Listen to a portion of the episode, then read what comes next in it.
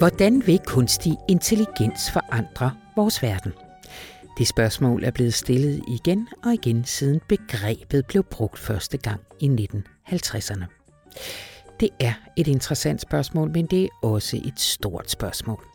Så for at kunne besvare det, eller i det mindste gøre et hederligt forsøg, så har vi delt det op i en række mindre underspørgsmål. Hvordan vil kunstig intelligens ændre sundhedsvæsenet, forme arbejdsmarkedet, forandre kunsten og kulturen osv.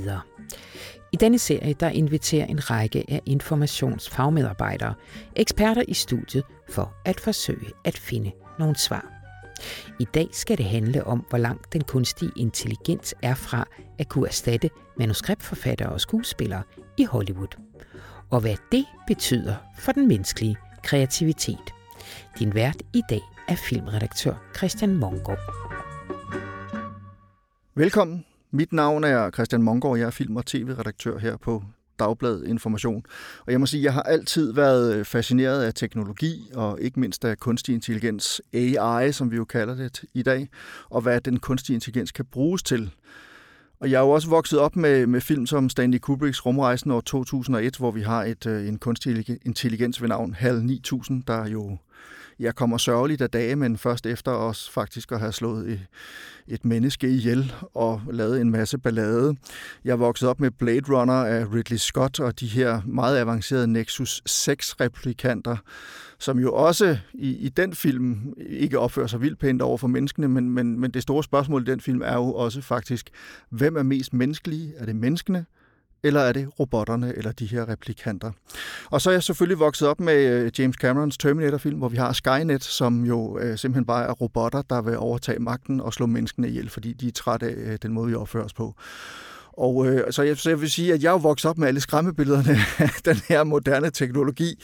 Og, øh, og det er det, jeg ligesom får på nethinden. Altså, og det, det er ligesom, jeg kan ikke frigøre mig fra, altså det er jo nærmest inden for det seneste år, så det er jo eksploderet alt det her med chat-GPT og, og, øh, og AI og hele diskussionen om det og sådan noget.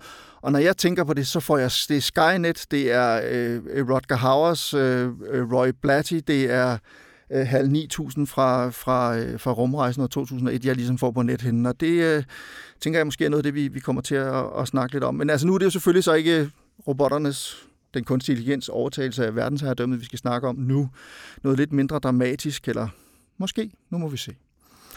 For nylig der sluttede både forfatter- og skuespilstrækken i Hollywood, og noget af det, som øh, man diskuterede meget i forbindelse med de her strækker, noget af det, som var ligesom et af de her breaking points på, i, i de her aftaler, som skulle indgås mellem manuskriptforfatterne og skuespillerne på den ene side, og så øh, film- og tv-producenterne på den anden side.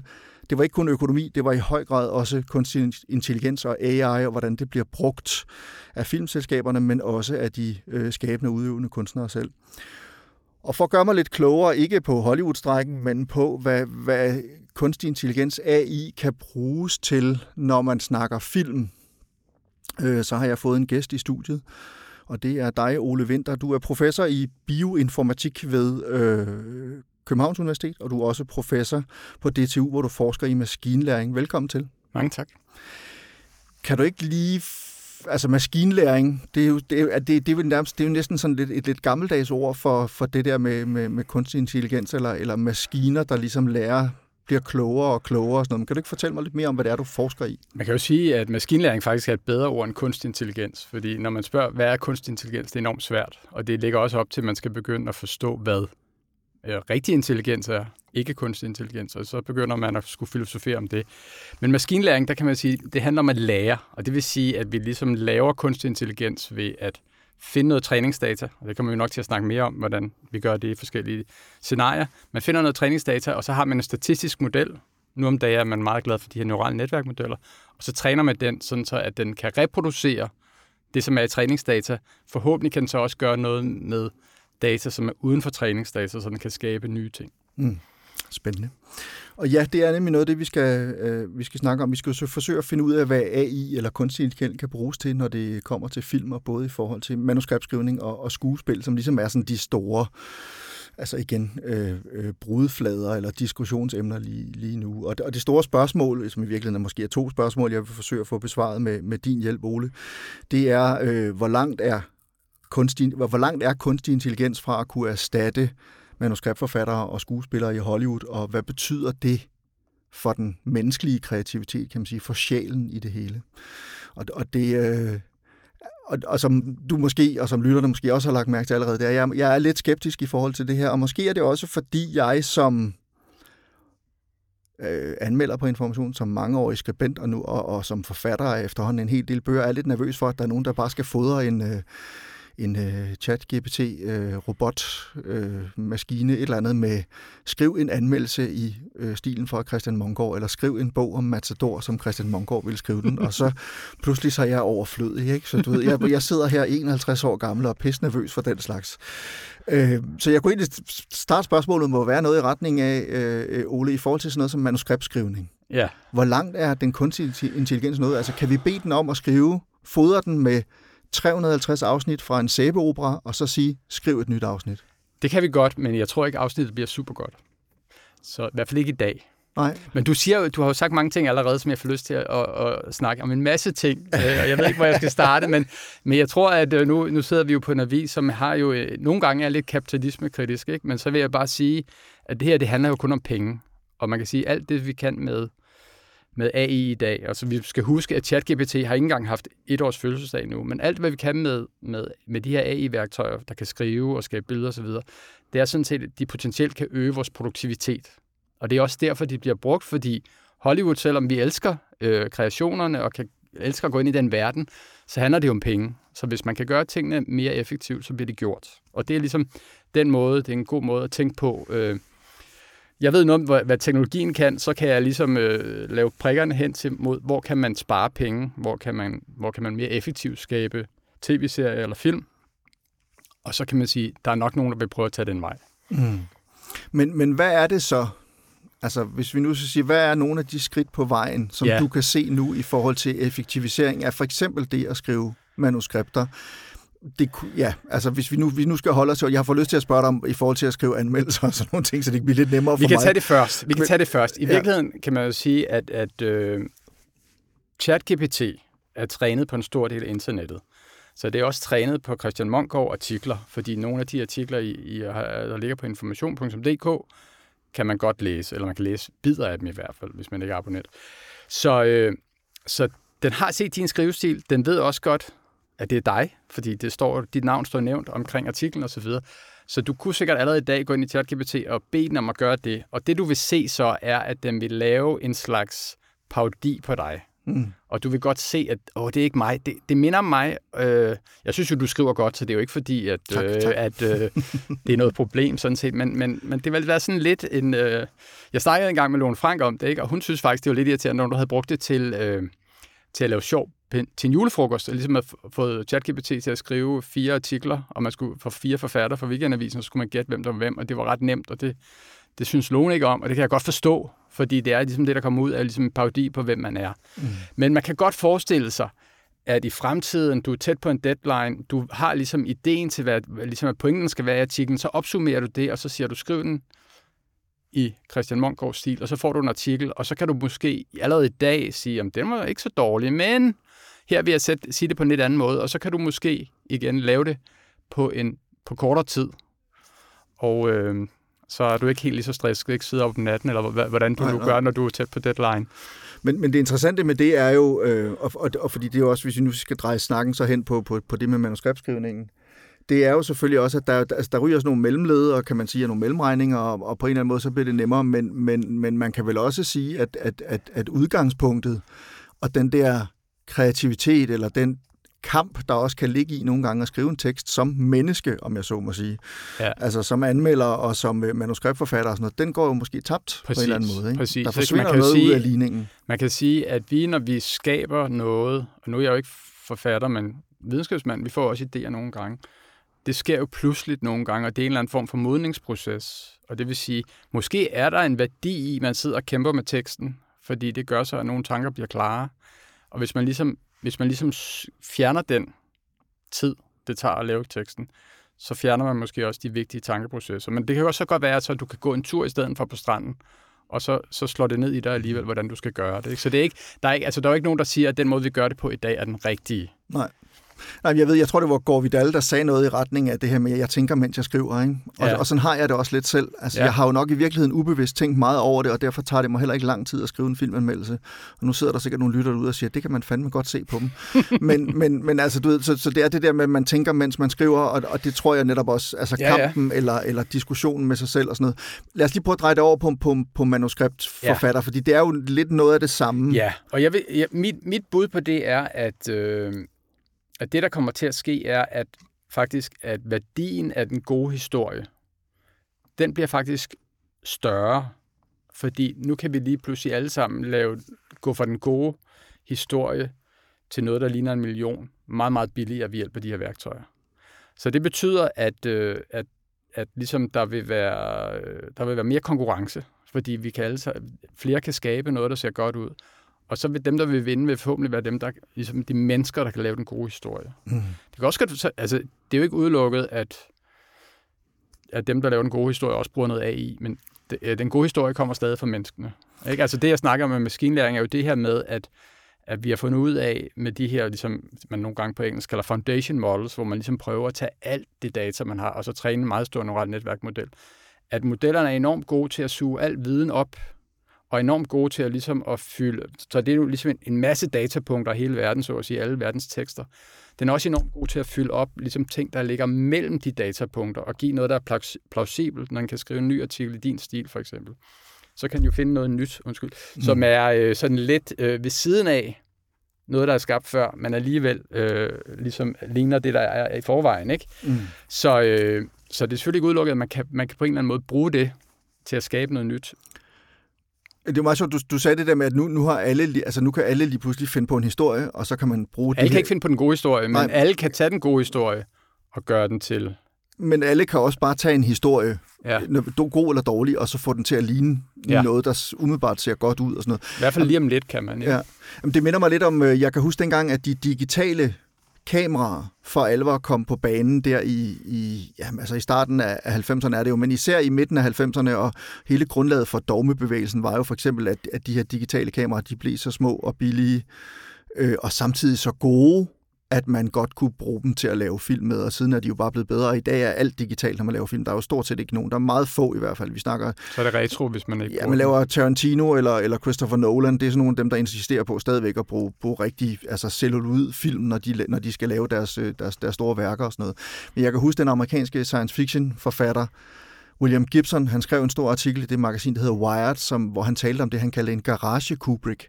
Det vil sige, at der kunne sidde et eller andet ungt menneske i sin garage og have været ude og optage noget med et billigt DV-kamera dengang, og så lægge det ind på sin egen lille bærbare computer og klippe det sammen, og så rent faktisk lave en film ud af det, som, altså, som var værd at se, og som var interessant. Og som det er jo YouTube. Også, kan Præcis. Sige. Jamen, det er nemlig YouTube i en eller anden forstand, og der bliver jo lavet sindssygt meget, ja, virkelig meget lort til YouTube, men der bliver også lavet mange fantastiske ting på YouTube, og TikTok og alle mulige. Altså, det er jo, altså, det er jo fantastisk. Ja, nogle gange så ryger man ned i det der, altså jeg ryger ret tit ned i det, må jeg sige, desværre sige, både TikTok og YouTube-hullet, hvor man sidder og ser en masse videoer, fordi de faktisk er ret opfindsomme og ret godt lavet og ja. sådan noget. Ikke? Ja. Og så bilder jeg mig ind, at det har noget med mit arbejde at gøre, men det har det selvfølgelig ikke. Pas på, hvad du siger. Ja, det er det. Øhm, okay, men så, så, øh, så i virkeligheden, så kan man sige, at, at, at, at det er, altså, i forhold til manuskriptforfatterne, så er det noget, der altså AI kan i virkeligheden være med til at gøre processen måske lidt, lidt nemmere og, og lidt hurtigere i en eller anden forstand. Ja, hvis jeg skal prøve at skitsere, hvordan jeg ser måske, at teknologien kan være om et til to år, så kan det være sådan, at øh, i dag har vi jo for eksempel et en øh, værktøj, som også dem, øh, det firma, der hedder OpenAI, som også har lavet GPT, har lavet, som det kalder DALI, som er opkaldt efter Wall-E-filmen øh, fra Pixar og Salvador Dali, øh, som kan tage en beskrivelse af et billede, og så lave det om øh, til et billede. Og de har lige øh, lanceret version 3 af det, hvor man kan komme med en utrolig detaljeret beskrivelse af, hvad der er i billedet. Og det, det er jo, hvorfor laver de det? Øh, det gør de selvfølgelig, fordi lige om lidt, så kan de også generere video efter samme princip. Så kan du sådan set mere eller mindre give den manuskriptet og en meget, meget detaljeret beskrivelse af, hvordan hver en eneste scene skal være, og så kan du trykke på knappen, og så kan du få din supercomputer til at generere 10 udgaver, af, som følger det manuskriptet, de beskrivelser, der er i manuskriptet. Og så kan du kigge på det, og så kan du sige, okay, var det godt? Måske hvis du er et øh, filmstudie, så kan du ligefrem screene det foran et, et pilotpublikum, og så kan du sige, går jeg videre eller ej? Ikke? Og der kan man så sige, der kan filmstudierne spare utrolig mange penge i forhold til at satse på noget, som ikke fanger publikums interesse. Hvis vi skal snakke om det der med skuespillerne, fordi skuespillerne er jo også vildt bekymrede, og man kan sige, at det tog lidt længere tid for skuespillerne at få en aftale i stand øh, i Hollywood, og det var blandt andet det her med AI, der var et stort problem, og jeg ved også, der er nogen, der... Altså nu er aftalen ikke blevet ratificeret af alle medlemmerne endnu, men bestyrelsen i, i, i det store amerikanske skuespilforbund for, øh, anbefaler medlemmerne, at de siger ja til den her aftale. Og der er, men der er nogle kritiske røster, der mener, at den simpelthen ikke går langt nok aftalen i forhold til at sikre skuespillerne, når det kommer til AI, og især det øh, begreb, som hedder generative AI, ja. altså hvor man altså genererende AI eller ja. kunstig intelligens. Ja. Jeg ved ikke, om, om, om du kan forklare, hvad det er. Det vil jeg meget gerne. Tak. Det er jo, så, er jeg på min, så er jeg jo på min hjemmebane igen. ja, det er det. Så man kan sige, når jeg snakker om det der med, med, med DALI, det er et eksempel på generativ AI. Ikke? At du kan give, give den noget tekst, og så kan den generere et billede. Og så er det også en model, der virker på den måde, at den, den har noget stokastisk, noget tilfældigt i sig, så du kan trykke på knappen to gange og få to forskellige øh, billeder, som, som, som ligesom kommer fra den samme beskrivelse. Og når vi snakker øh, ChatGPT, så er det også en generativ model, for du kan starte med noget tekst, det der prompt, vi giver den, og så kan den så skrive videre på den. Så alt, hvor vi ligesom, hvor vi lærer for data til at lave noget nyt, det er generativ, generativt AI. Og det, som, er, det, som vi var, var sådan meget fokuseret på i maskinlæring i gamle dage, var mere sådan noget klassifikation, sådan groft sagt, her er et billede, er det en kat eller en hund i billedet. Ikke? Men nu har vi så ligesom skruet op for vores ambitionsniveau og siger, nu vil vi gerne generere billeder af katter og hunde og mange andre ting. Øh, det mener også, altså, fordi det er også det der med, altså man snakker meget, øh, når man snakker om hvis vi skal snakke om det her med skuespillere og, og, og generative AI, altså, altså at det her med, at man rent faktisk kan genskabe skuespillere, og at, at man måske ovenikøbet kan tage en afdel, man kan tage Humphrey Bogart ja. og sige, nu vil jeg gerne lave en film med, en ny film med Humphrey Bogart. Ja. Der var der en af, af, af, af de der aftalepunkterne i, i, i den her nye aftale mellem øh, producenterne og manuskript, eller undskyld, øh, skuespillerne, det er jo blandt andet, at så skal man have lov af The Humphrey Bogart Estate ja. til at bruge hans ja. likeness, altså hans ja, ja. udseende og stemme og sådan nogle ting. Og det kan man måske Men genskabe. Hvad med, hvad med Sokrates? Der Jamen er præcis. Nogen, nej, nej, Sokrates jamen, det er fuldstændig rigtigt. Jo længere man går tilbage, kan man sige, jo, ja. jo, jo, jo flere muligheder er der. Men, men det, jeg tænkte på i forhold til det, det er, at, at øh, der er jo stadig det der Uncanny Valley-ting, øh, som ja. man snakker om, når man, når man prøver ja. at lave fotorealistiske ja. animerede mennesker. Man kan godt se stadigvæk de er meget, meget tæt på at ligne det rigtige, ja.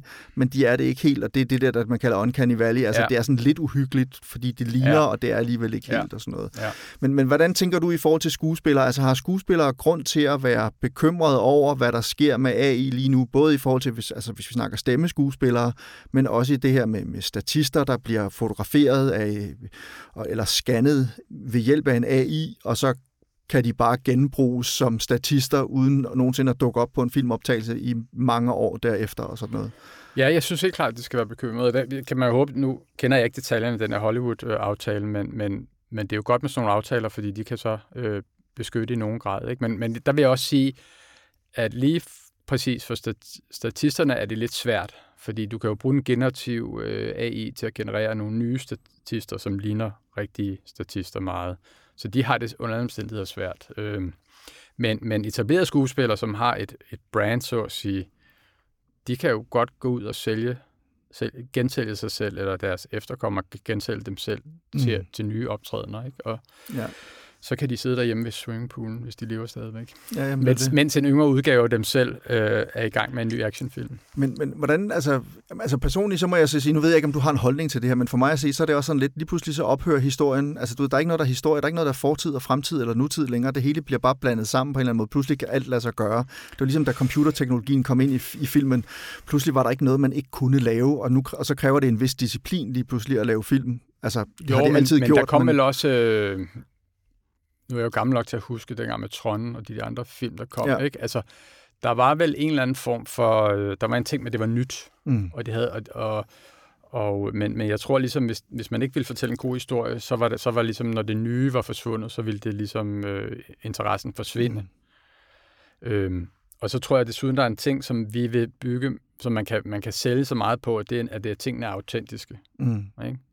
Så der står ligesom, en, der står ligesom sådan, på film, øh, filmen, så står der, lavet med rigtige mennesker, og at det kan være et, salg, et salgspunkt, og måske i virkeligheden også, at det der med, at tingene ikke er perfekte. Ikke? Du kan se øh, en eller anden skuespillers appelsinhud, jamen det er, jo, det, er jo, det er jo kvalitet, fordi det er jo nok ikke det første, man genererer, når man, når man laver en computerskabt kopi. Så der, så der er nogle muligheder for nogle modreaktioner.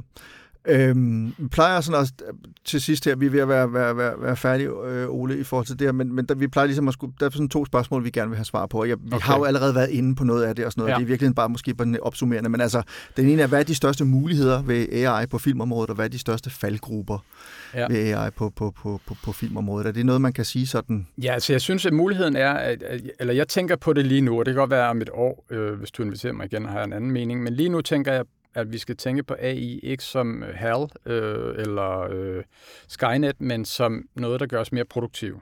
Og det selvfølgelig vil blive brugt på godt og ondt til det. Øh, så jeg tror at meget på, at der vil komme det her med, at, at vi vil bruge øh, AI til, til alle de steder i processen med at skabe noget, hvor vi kan gøre tingene hurtigere. Også hvis du er videnskabsmand, jamen, så kan det godt være, at du siger, at der skal stå det og det i det her afsnit, og så jeg har lige for travlt til at skrive det selv. Skriv lige noget, der passer, du skal referere til de og de ting, og så gør det det. Mm. Øhm, også hvis man starter for et blankt stykke papir, hvis nu man er lidt usikker på, hvordan skal jeg gribe den her anmeldelse an, okay, så spørger vi lige ChatGPT, har du nogle gode, gode måder at starte den her artikel på?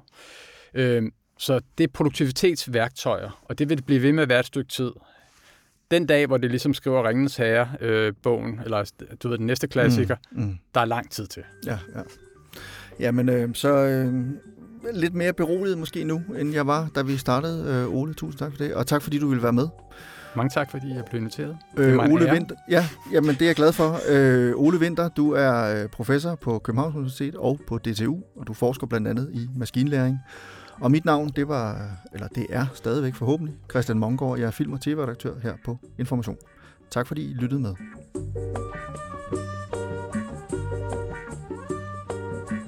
Du har lyttet til endnu et afsnit af Maskinstorm, informationspodcast om kunstig intelligens. Serien er støttet af Novo Nordisk Fonden. Og hvis du kunne lide, hvad du hørte, og måske synes, at andre burde lytte med, så smid et par stjerner eller kommentarer, eller hvad du end smider derinde, hvor du lytter til dine podcasts, så vil algoritmerne være os så nådige. Vi høres ved.